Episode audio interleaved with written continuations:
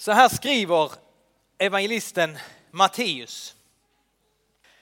När Jesus och hans lärjungar närmade sig Jerusalem och kom till Betfage vid Olivberget skickade Jesus iväg två lärjungar och sade till dem Gå bort till byn där framme så hittar ni genast ett åsnesto som står bundet med ett föl bredvid sig. Ta dem och led hit dem. Om någon säger något ska ni svara Herren behöver dem, men han ska strax skicka tillbaka dem. Detta hände för att det som sagts genom profeten skulle uppfyllas. Säg till dotter Sion, se din konung kommer till dig. Ödmjuk och ridande på en åsna och på ett föl, ett lastdjurs föl. Lärjungarna gick bort och gjorde så som Jesus hade sagt åt dem. De hämtade åsnan och fölet och lade sina mantlar på dem och han satt upp. Många i folkmassan bredde ut sina mantlar på vägen. Andra skar kvistar från träden och strödde dem på vägen. Och folket, både de som gick före och de som följde efter, ropade. Ska vi ropa? Hosianna, Davids son, välsignad är han som kommer i Herrens namn. Hosianna i höjden. Så lyder det heliga evangeliet. Lovad vare du Kristus. Varsågoda och sitt. Idag så har vi två viktiga ord idag tänker jag. Det första är då advent som vi varit inne på. Det betyder ju ankomst. Och Jesus han kommer idag till oss. I texten så kommer han ridande på en åsna. Jesus han kommer till oss. Vi ska prata lite om det. Och sen har vi ordet Hosianna. Ett ord som aldrig har blivit översatt i Bibeln. Hosianna, det är ett rop på hjälp. Jesus, du som kommer. Och så får vi ropa Hjälp oss Jesus. Du som kommer, du som har kommit, du som ska komma tillbaka en gång. Vi får ropa vårt Hosianna idag. Herre, hjälp oss. Hosianna. Herre, hjälp oss. Det är ett rop som passar så väldigt väl in i vår situation just nu också. Vi ropar Hosianna. Hjälp oss Gud. Jesus hjälp oss. Vi klarar inte det här utan dig. Utan hjälp oss. Hosianna. Förbarma dig. Hjälp oss. Grip in. Och när vi läser vår bibel så kan vi se att Jesu ankomst, vi kan tala om tre tillfällen när Jesus kommer. Tre tillfällen då Jesus kommer, tre advent alltså. Och den första ankomsten, det är ju den som profeten Sakaria, det vi hörde i gammaltestamentliga texten. Sakaria profeterade på 500-talet före Kristus så fick Sakaria se en, liksom en vision hur konungen skulle komma ridande in i Jerusalem sittande på en åsna. Och precis så som Sakaria profeterade så sker nu när vi läste evangelietexten. Alltså första gången som Jesus kommer till oss så gör han det ödmjukt, ridande på en åsna, inte som en erövrare, inte som en härskare utan i ödmjukhet och fattig så kommer han till oss. Och vi har redan läst texten idag också om Jesus, när han kommer till oss första gången, då böjer han sig ner och så vill han tvätta dina och mina fötter så kommer Jesus till oss första gången. Och detta är så oerhört alltså, i vår tro, att vi tror så här. Alltså vi tror verkligen att Gud som har skapat himmel och jord, hela universum. Och nu liksom de senaste åren så börjar man förstå bara hur stort universum är. Alltså det är så en, det är så, det är bara mm, hur stort som helst. Den guden som har skapat universum, vi tror att han har blivit människa. Alltså Gud själv har blivit en del av sin egen skapelse. Och så här skrev Athanasius på 300-talet att Gud, han blev människa för att vi människor skulle kunna bli ett med Gud. Gud blir människa för att vi människor ska kunna bli ett med Gud.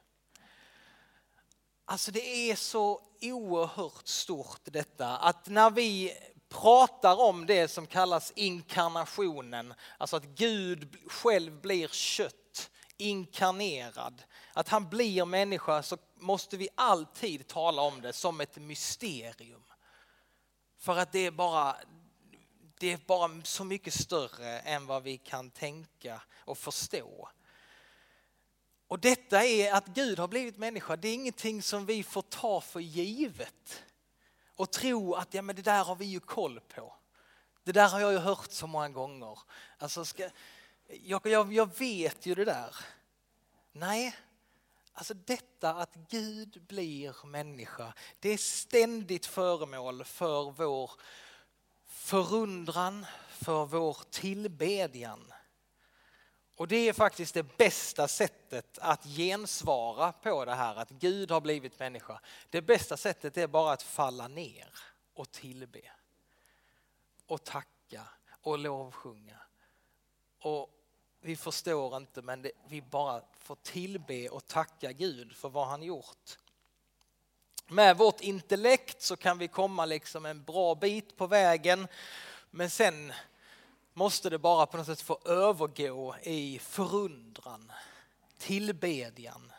Från ditt hjärta till Guds hjärta.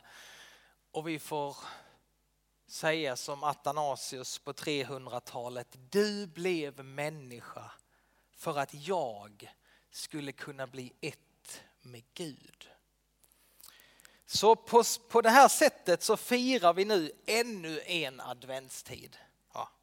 Året går runt i en cirkel, verkar det som. Det kan kännas som en upprepning om och om igen. Ska vi inte byta ut texterna? Ska vi verkligen läsa en gång till när Jesus rider in i Jerusalem på åsnan även detta år? Ja, det ska vi. Det känns som en cirkel, men med Guds hjälp, med den helige andes hjälp, så behöver det inte bli en cirkel i ditt liv. Samma sak varje år. Nej, med den helige andes hjälp så kan dina år med Gud, det kan istället bli som en spiraltrappa. Alltså en cirkel men som en spiral. En upprepning som går djupare och djupare, varv efter varv, djupare ner i ditt hjärta. Det är därför vi alltid ska bevara vår ödmjukhet, inte tro att vi är fullärda, inte tänka det där har jag koll på, utan leva med bönen. Gud, alltså denna advent, denna juletid, låt mig förstå lite mer av vad det innebär att du blev människa. Gud blev människa för att människan, för att jag skulle kunna bli ett med Gud. Där har vi alltså första advent, första ankomsten. Jesus kommer till oss när Gud blir människa i Jesus Kristus. Sen har vi andra advent, andra ankomsten. När kommer Jesus andra gången? Jo, men det är när han ska komma tillbaka igen som han har lovat. Och då läser vi Bibeln att då kommer han inte komma som en tjänare i ödmjukhet utan så som vi har bekänt i vår trosbekännelse redan idag. När Jesus kommer tillbaka då kommer han döma levande och döda. Då kommer Jesus eh, ställa sig på den här jorden igen och så kommer han sätta stopp för all ondska. Han kommer sätta ett stopp för döden och för allt lidande. Halleluja! Alltså det, det kommer finnas en tid där inte ondskan finns längre. Alltså, åh. Varför gör inte Gud någonting? Får man ju frågan om man är kristen. Hur kan ni tro på en Gud? Ja, men vi tror på en Gud som kommer sätta stopp. Vi har inte sett facit än.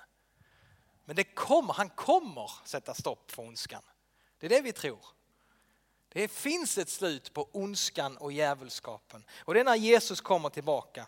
Han kommer inte komma som en ödmjuk tjänare då, utan han kommer komma som Herre. Och det står att alla tungor kommer att bekänna honom som Herre. Alla knän kommer böjas för honom. Och alla kommer säga Jesus är Herre. Jag tror det kommer bli så och därför så försöker jag leva så redan här och nu.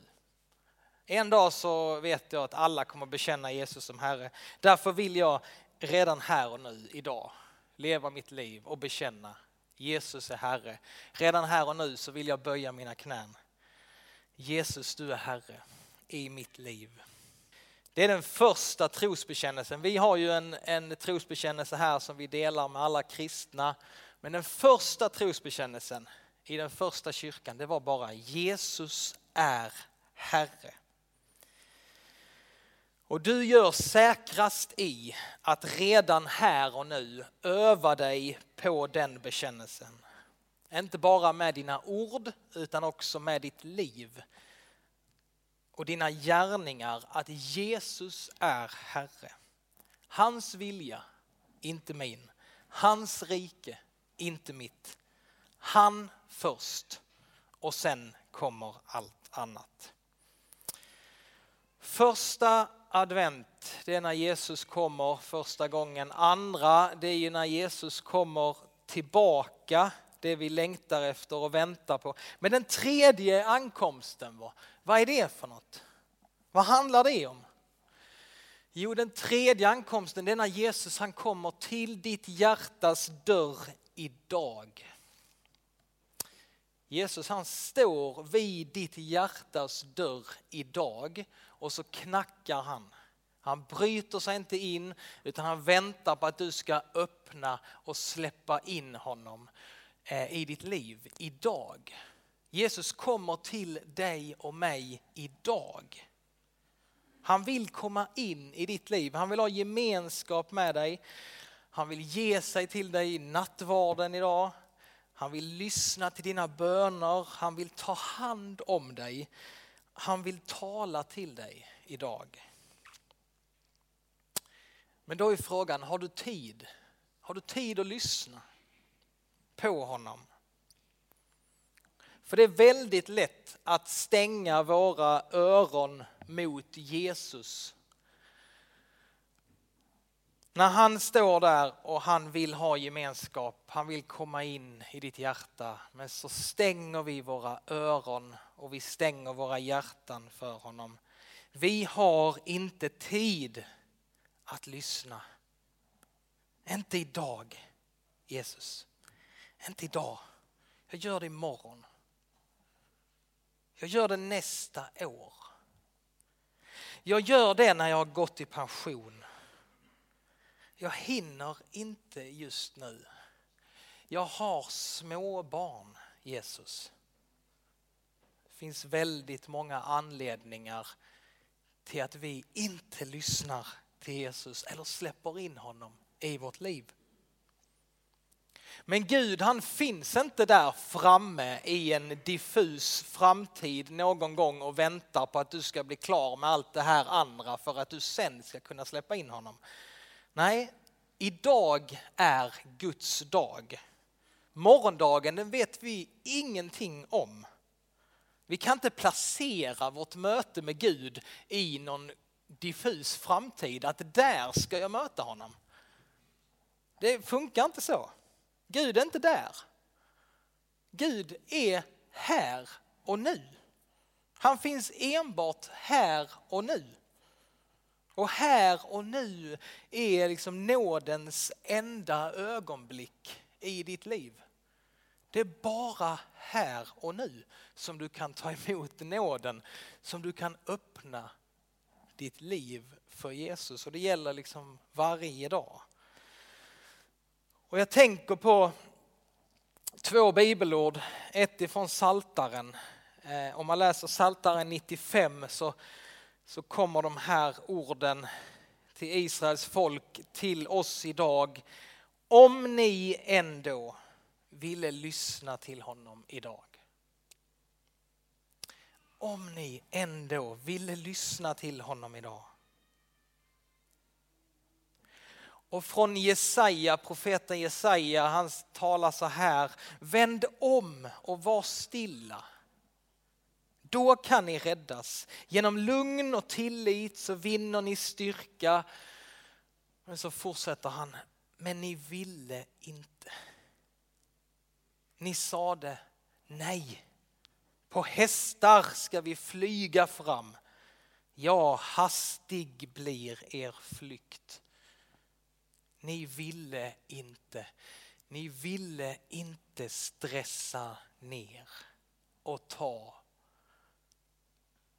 stunden med Jesus. Om ni ändå ville lyssna till honom idag. Lite uppgivet hör vi från saltaren.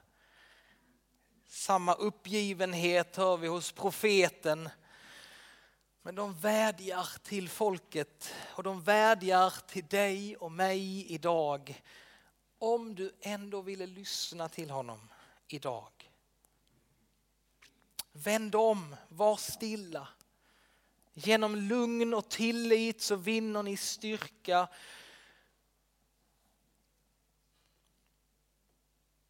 Men ni vill inte ni ville hellre fortsätta stressa, fortsätta samma tempo och skjuta upp mötet med Jesus. Men idag så har du och jag chansen. Idag är han här.